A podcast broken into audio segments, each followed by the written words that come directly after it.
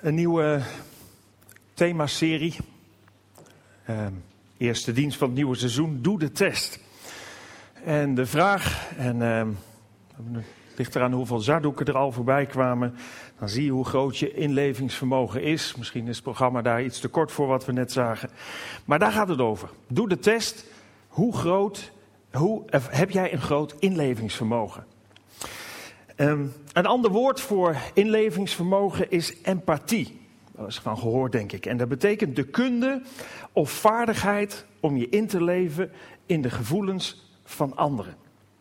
Nou, hoe scoor je daarop wat dat betreft? Nou, het themaserie heet Doe de test. Dus dat is het eerste wat we nu gaan doen. We gaan even een test doen. Jullie krijgen even allemaal een test uitgereikt. En eh, er staan pennen op de tafels. En dan mag je even tien vragen beantwoorden. En op de achterkant even de score invullen. En dan weet je precies hoe je scoort op je inlevingsvermogen. Tien vragen, eerlijk antwoord geven. Niet eerst op de achterkant kijken hoeveel punten elke vraag oplevert. Stiekem. Eerlijk invullen. Doe de test. Heb jij een groot inlevingsvermogen? Doe maar.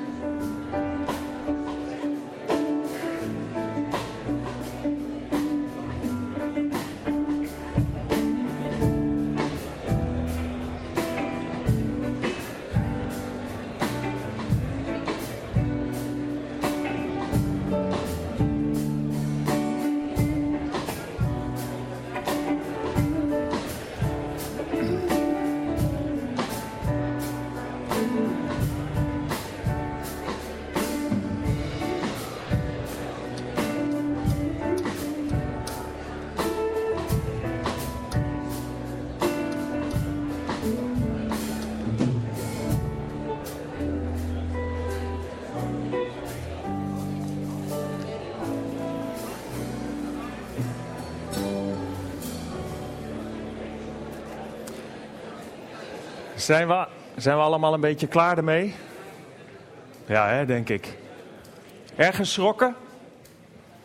Als je nou 0 of 20 hebt, dan moet je een serieus pastoraal gesprek hebben. Dat zal niemand hebben, denk ik. Hè? Wie van de mannen scoorde tussen de 11 en 13? Oh, Oké. En wie van de mannen scoorde de hoger? Eerlijk, zei ik van tevoren.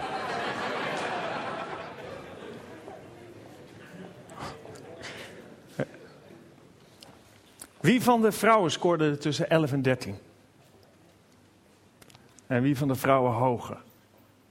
Nou, dat geloof ik wel. Ja, waarom vraag ik dat nou, mannen en vrouwen apart? Nou, omdat het eigenlijk normaal is. Is een beetje jammer voor al die mannen die nou uh, boven de 13 zaten. Maar het eigenlijk normaal is dat vrouwen hoger scoren dan mannen. Als het gaat om empathie. Uh, er is een, uh, een professor, Simon Baron Cohen.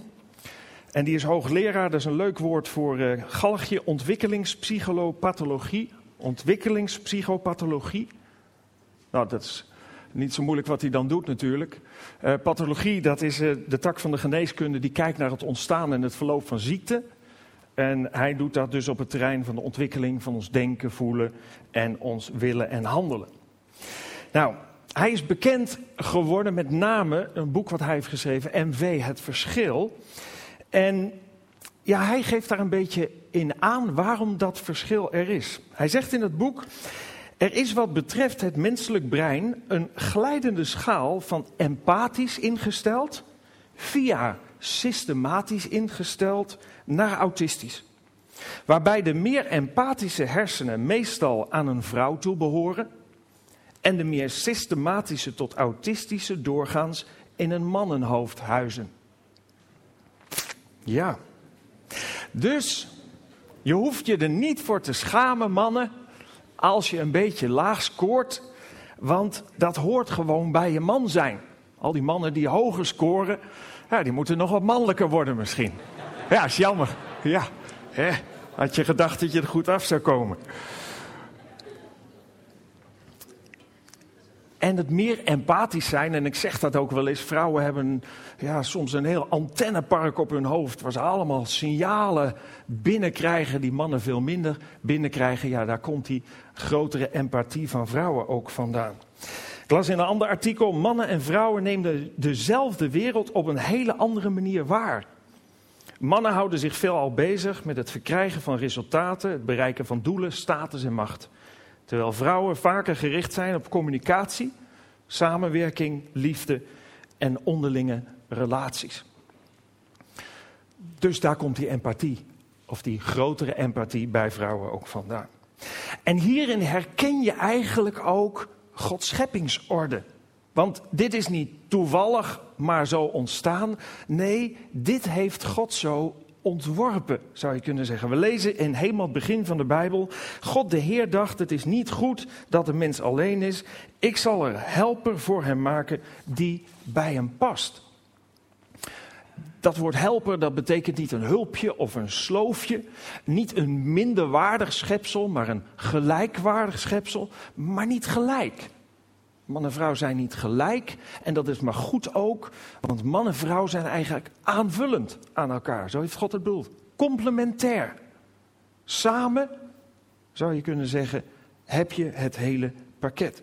En dat complementaire zie je ook in de Bijbeltekst die iets verderop staat. Er staat, zo komt het dat een man zich losmaakt van zijn vader en moeder en zich hecht aan zijn vrouw, met wie hij één van lichaam wordt. Dat past als Piet zeggen ze.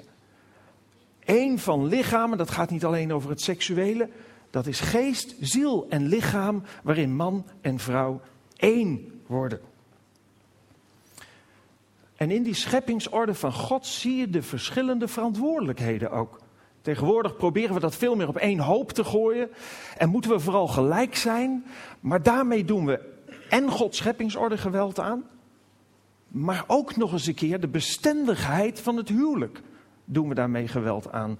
En dat zien we iedere dag om ons heen gebeuren. In Gods scheppingsorde, en dat zie je in de hele Bijbel, is de primaire verantwoordelijkheid van de man om zijn vrouw te beschermen en te onderhouden.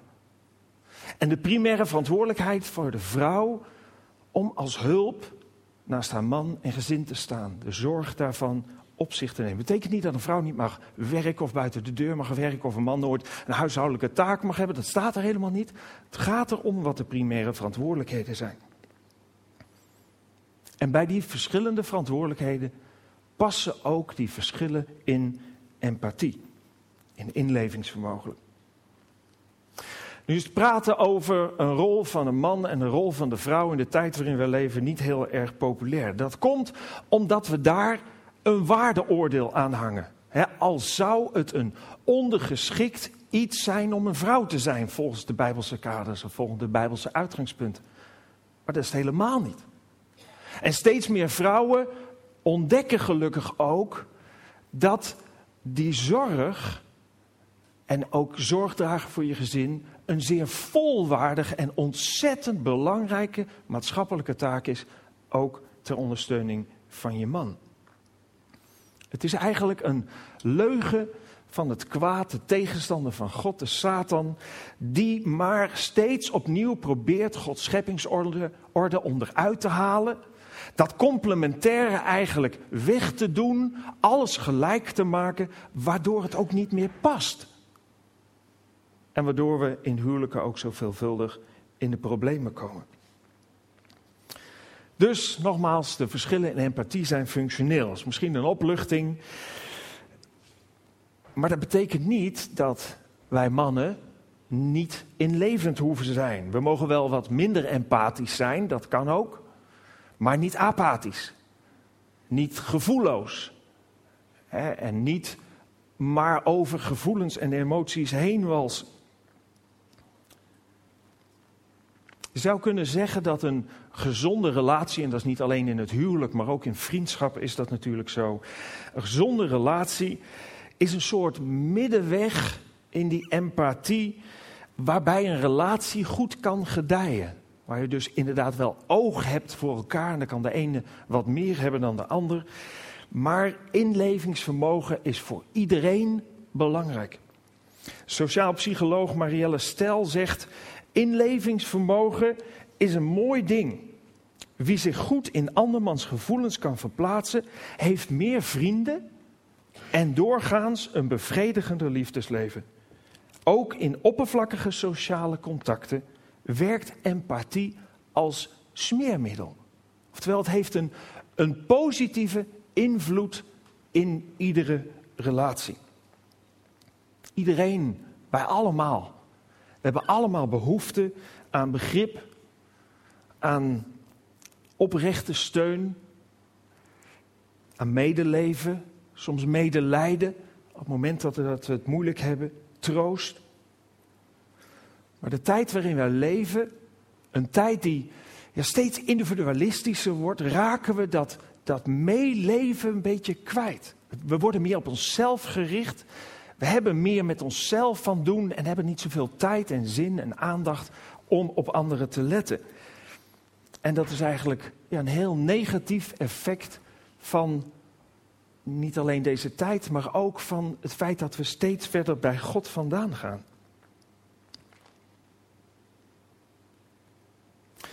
Ja, hoe komt het nu dat je minder empathisch bent? Want wat je eventueel er ook in doet, de ene is het van nature al wat meer dan de ander. Los van de verschillen tussen man en vrouw, dat is natuurlijk iets, ja, een stuk aanleg, iets wat je meekrijgt, kun je weinig aan veranderen.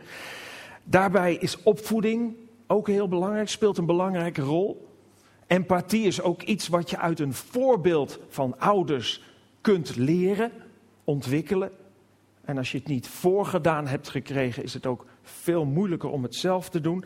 Maar het heeft ook te maken met keuzes die je maakt. Nou, aanleg en opvoeding, daar kun je niet zoveel aan doen, dat zei ik al. Maar de keuzes, je kunt wel andere keuzes maken.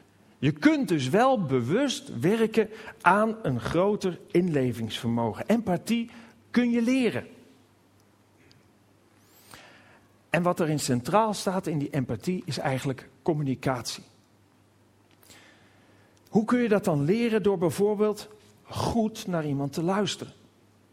Dat is over het algemeen ook weer, ik zeg het over het algemeen, uit deze uitslag van net bleek dat het heel anders is, maar de rest van de wereld is dat wel zo. Maar voor, voor mannen is dat over het algemeen luisteren wat lastiger dan voor vrouwen. En luisteren is heel belangrijk. Luisteren is, de ene, is een van de manieren om binnen te krijgen wat iemand daadwerkelijk beleeft. De Bijbel lezen we, beste broeders, vergeet niet dat het goed is om veel te luisteren, weinig te zeggen en niet snel kwaad te worden. Kijkt al iemand achterom? Daar zit haar man, ik zal niet zeggen wie. Kijk naar die kant, maar het is geloof ik ergens anders. Zie je nou wel? Dus luisteren is heel belangrijk. Luisteren geeft je een stukje inleven. Iets anders is bijvoorbeeld door te vragen wat iemand, een partner of een vriend, als prettig en onprettig ervaart. We hebben met stel wat straks gaat trouwen, Rakan en Marlot, hebben we ook huwelijksvoorbereiding gedaan. Dat doen we altijd. En daarin zeggen we altijd: zet één dag in de week apart. Ga bij elkaar zitten, televisie uit, kinderen naar bed. Als ze ouder zijn, weg. Eigen kamer of andersom. Wij gingen naar onze eigen kamer. Ga een avondje met elkaar praten. Investeer in je huwelijk en met name ook over die dingen die je als prettig of onprettig ervaart. Wij zeggen altijd: stel aan de ander, stel aan de partner je de vraag: wat heb ik deze week gedaan wat jij als onprettig hebt ervaren? Waarvan je graag zou willen dat ik het anders zou doen. Want de opdracht in het huwelijk is om je partner gelukkig te maken. Nou, dan moet je wel weten hoe je dat moet doen. En dan is inleving heel belangrijk. En dan kun je die vraag stellen. Dan is het ook minder bedreigend. Als iemand bij je komt, je vrouw of je, man, en die zegt: Nou, ik baal hiervan dat je dit doet en dat je dat doet. Ja, dan ga je al gauw in de verdediging. Maar als je nou afspreekt om één avond in de week bij elkaar te zitten, dingen met elkaar te delen en die vragen aan elkaar te stellen. Wat heb ik deze week gedaan wat jij als niet prettig hebt ervaren? En hoe zou je eigenlijk willen dat ik het zou doen? Wat zou je fijn vinden? Dat is niet bedreigend en dat helpt je enorm om je in te leven in die dingen die je partner beleeft en voelt en meemaakt. Een ander probleem, en dat is echt een mannenprobleem, of ik heb het alleen, dat is dat je te oplossingsgericht denkt. Kijk, empathie vraagt communicatie, tijd met elkaar, goed luisteren.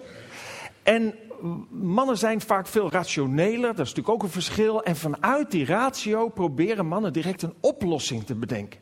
Dus ik kom thuis, Elle heeft een nare dag gehad. Er is een hoop gebeurd met de kinderen of wat dan ook. Of, of, of, of in een winkel was ze niet leuk behandeld of wat dan ook. En ik heb het nog niet half gehoord. Of ik pak de telefoon en bel die winkel hoe is het in, in hun hoofd halen om, Of ik zeg dat tegen de kinderen, hoe ze het in hun hoofd halen. Terwijl de behoefte van Elle in eerste instantie niet is dat ik boos een winkel opbel. Of boos naar de kinderen ben. Nee, in eerste instantie wil ze dat ik haar tegemoet kom in haar emoties. In haar pijn of verdriet, teleurstelling. En dat is soms zo moeilijk. Dus daarin niet oplossingsgericht handelen, dat even uitstellen, helpt je om je in te leven in wat de ander voelt en beleeft.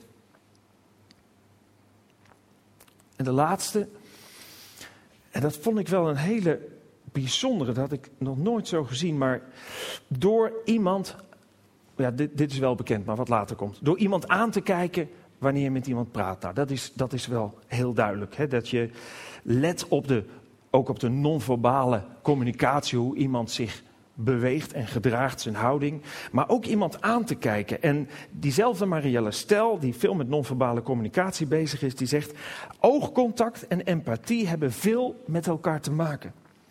Ten eerste biedt de gezichtsuitdrukking rond de ogen veel informatie over iemands gemoedstoestand. Nou, die uitspraak ken je misschien wel.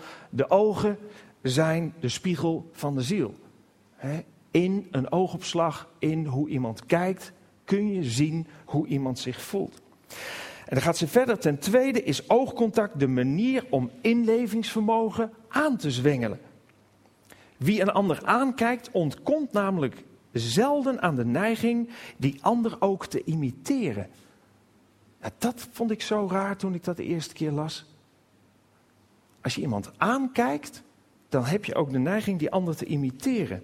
En toen dacht ik, wat heeft dat nou met empathie te maken? Nou, dat schrijft ze ook. Mensen die hun gesprekspartner imiteren, nemen meer van diens gemoedstoestand over en kunnen zich daarin rationeel ook beter verplaatsen dan mensen die dat niet doen. Bewust of onbewust, wie andermans mimiek spiegelt, neemt altijd iets van diens gevoelens over zodat een niet-apathisch, empathisch iemand al heel wat invoelender kan worden, puur door anderen meer na te doen. Nou, ik had het al een paar dagen gelezen, maar uh, ik durfde het eigenlijk niet toe te passen. Iemand spreekt met iemand en je doet dan zijn gezichtsmimiek na. En in hetzelfde stuk stond er ook: Ik ben in mijn onderzoeken nooit mensen tegengekomen die doorhadden dat de ander ze opzettelijk nadeed. Maar er is dus een heel uitgebreid onderzoek wat ze heeft gedaan, daar is ook op gepromoveerd, dat als je van jezelf weet dat je wat minder empathisch bent, dat zitten hier niet zo heel veel mensen, maar eh, dan weet je het voor anderen, kun je doorgeven. Maar als je wat minder empathisch bent, dat je dan iemand aankijkt en de gezichtsmimiek nadoet. Nou, nogmaals, ik vind het een beetje eng om te doen. Maar we kunnen het proberen. We gaan het niet. Doe het straks bij de koffie. Dus dan ziet het er straks zo uit. Iedereen probeert elkaar na te doen en in te leveren. En datzelfde gezichtsmimiek. Probeer het maar eens in een gesprek straks. Sommige, bij hele kleine kinderen is het soms heel moeilijk om dat te doen. Om ook zo'n gezicht te trekken. Maar dat zou een manier zijn om meer empathie over te brengen voor de ander. Nou, als je in de Bijbel gaat lezen, kom je natuurlijk heel veel verschillende mensen tegen. En daar blijkt ook uit dat sommige mensen heel invoelend zijn, andere mensen minder tot aan sociale horken aan toe, die helemaal niet invoelend zijn of wat dan ook. Maar in de Bijbel zul je geen mens aantreffen die invoelender was en is dan Jezus.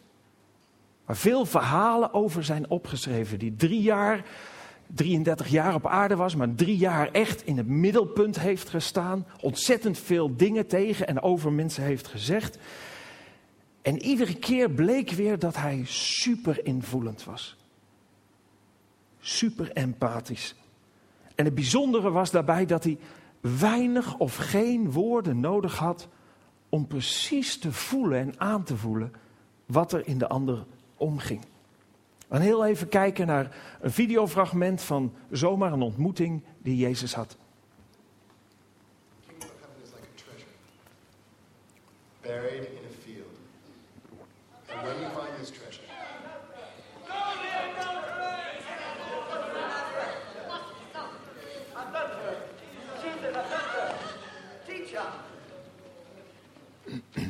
This woman caught in the very act of committing adultery In the law, of Moses commands us to stone such women. What do you say, teacher?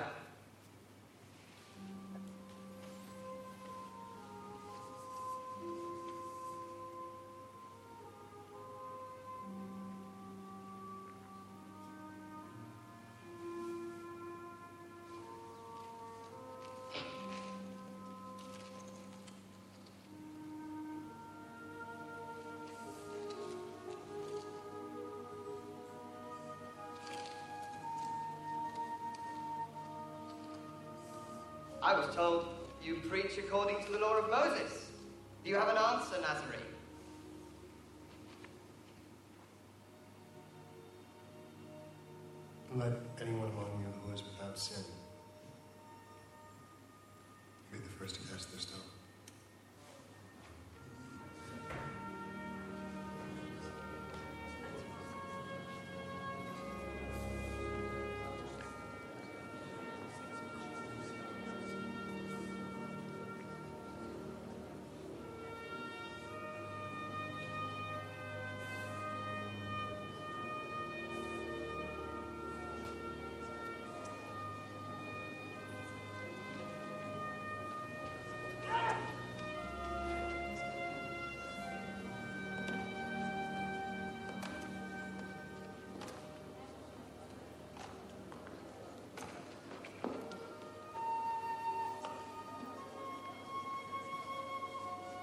There is no man here who condemns you, No one, my lord.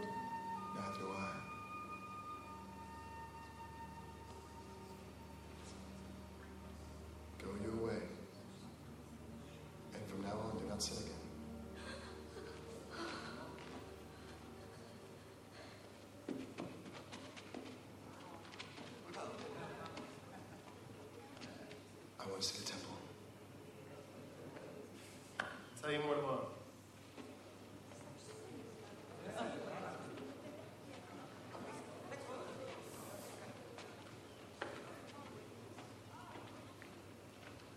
Do you want to come with us? Where? Doesn't matter. Yes. I go where I want. I'm free. You're not free.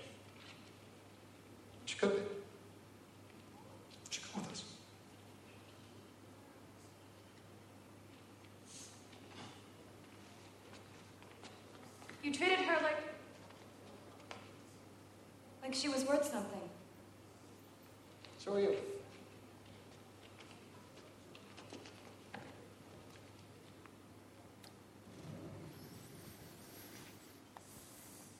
Een van de vele ontmoetingen die Jezus had met mensen.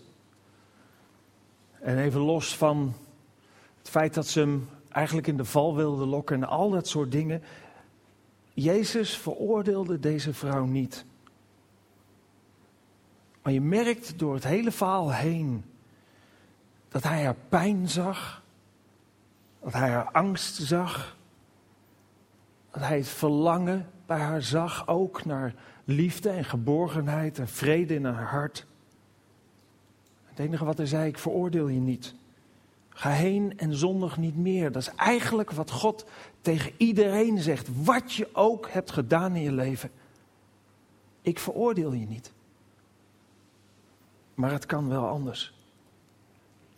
Laat het leven los dat je lijdt. Dat is eigenlijk wat hij zegt, want je wordt daar niet gelukkig van. Jezus zag niet alleen de buitenkant van haar, haar zondige gedrag. Hij keek verder en hij zag de pijn die het veroorzaakt in haar leven. Want zonde brengt scheiding tussen God en mens. En die scheiding brengt pijn. En dat is wat Jezus herkende. En niet alleen bij deze vrouw, bij heel veel mensen waar hij mee in gesprek was, bij hele groepen. Op een gegeven moment is hij bij Jeruzalem en dan lezen we in de Bijbel, toen hij de mensen menigte zag, voelde hij medelijden met hen. Staat in een andere vertaling, was hij met ontferming, met compassie, met empathie, met ontferming over hen bewogen.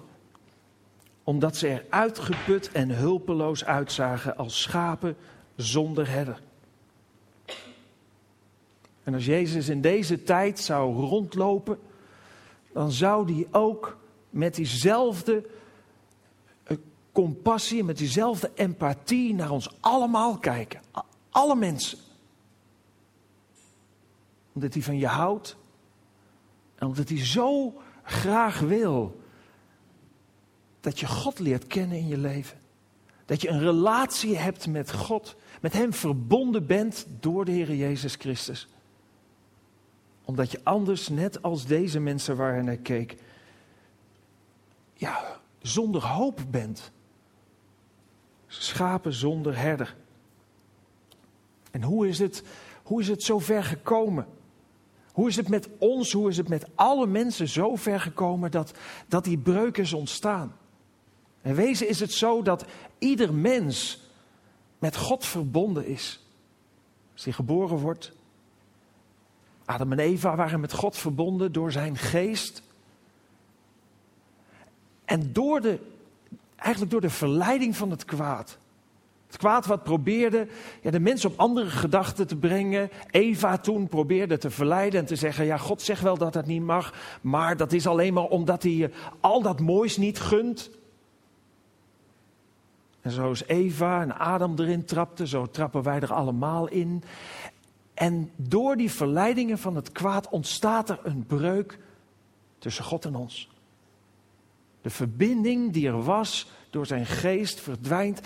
En dat geeft een gevoel ja, van leegte, van innerlijke leegte. Als Jezus nu op aarde zou lopen, dan zou hij nu ook die leegte herkennen. En zou hij zeggen, er zijn zo verschrikkelijk veel mensen die op zoek zijn naar liefde, naar geborgenheid, naar aandacht, naar vrede in hun hart, naar al die dingen. En we zoeken het op alle plekken die er maar zijn. Maar we vinden het niet. En we kunnen niet zo terugwandelen naar God, want door de zonde ja, is er eigenlijk een kloof ontstaan. Er is een, een, ja, een onoverbrugbaar gebied tussen God en ons, ja, waar de zonde tussen staat. En eigenlijk het toppunt van empathie vind je daar terug. Toen Jezus Christus naar deze aarde kwam, niet alleen om zich in ons in te leven, maar te worden zoals wij, een mens, en uiteindelijk te sterven aan het kruis voor onze zonde. Toppunt van empathie, van inlevendheid, van bereidheid, van liefde, het verlangen wat God heeft om de verbinding te herstellen. En God kwam op aarde in Jezus Christus. En Jezus Christus stierf niet uit toeval, niet omdat de mensen hem gewoon slecht gezind waren. Nee, Jezus was naar de aarde gekomen om te sterven. Om met zijn dood de prijs te betalen voor ons mensen. De prijs van de schuld, de prijs van de zonde betaalde hij met zijn leven. En daar aan het kruis verbond hij, maakte hij het mogelijk dat God en mens opnieuw met elkaar verbonden zouden kunnen worden. Heere Jezus Christus geeft ons nieuw leven. In een videofragment zei Jezus tegen die andere vrouw die andere vrouw die zei, ik ben vrij. Dat zeggen we allemaal. Ik bepaal zelf wel wat ik doe, bedoelt ze te zeggen. Ik maak zelf wel uit waar ik naartoe ga en niet, en wat ik wel doe en wat ik niet doe. Ik ben een vrij mens. En Jezus zei, nee, je bent niet vrij. Je bent niet vrij, maar je kunt wel vrij worden.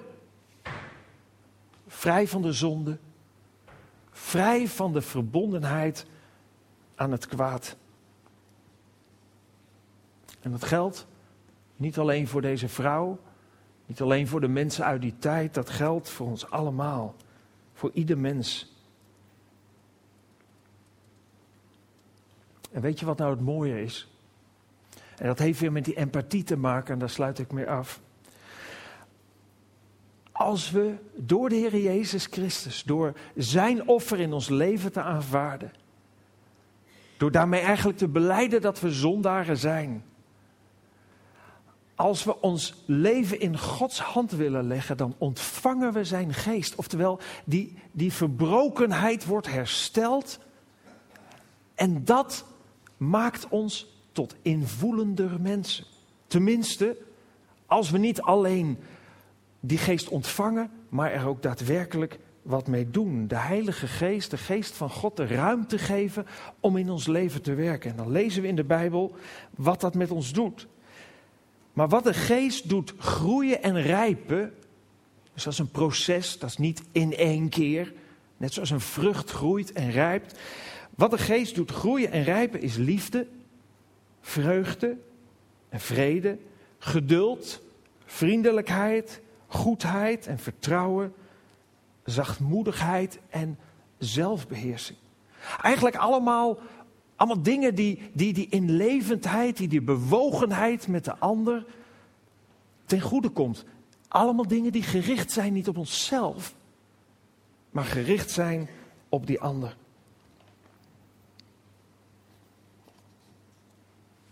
Als je het wilt, hoef je hier niet vandaan te gaan zonder die keuze in je leven te maken. Zonder er in je leven voor te kiezen en te zeggen, ja dat is wat ik wil. Ik ervaar ook die leegte. Ik ben al zoveel jaar op zoek. En ik probeer op van allerlei manieren het in te vullen. En steeds opnieuw val ik weer terug en merk ik, ik heb niet die vrede. Niet die liefde, niet die geborgenheid, niet de hoop voor dat wat er in de toekomst komen gaat, voor zelfs over de grens van de dood. Dan hoef je hier niet weg te gaan zonder die keuze in je leven te maken. We gaan een lied zingen, nu met elkaar. En na dat lied wil ik ook met jullie bidden. En als je ervaart dat het voor jou belangrijk is om die keuze in je leven te maken, dan mag je dat ook tijdens dat gebed straks kenbaar maken. Door even je hand op te steken. Een keuze te maken om Jezus te volgen is niks zweverigs of engs. Dat doen we gewoon terwijl we allemaal onze ogen dicht hebben en bidden. Maar het is een besluit wat je neemt, waarvan je zult ervaren dat het je leven zal veranderen.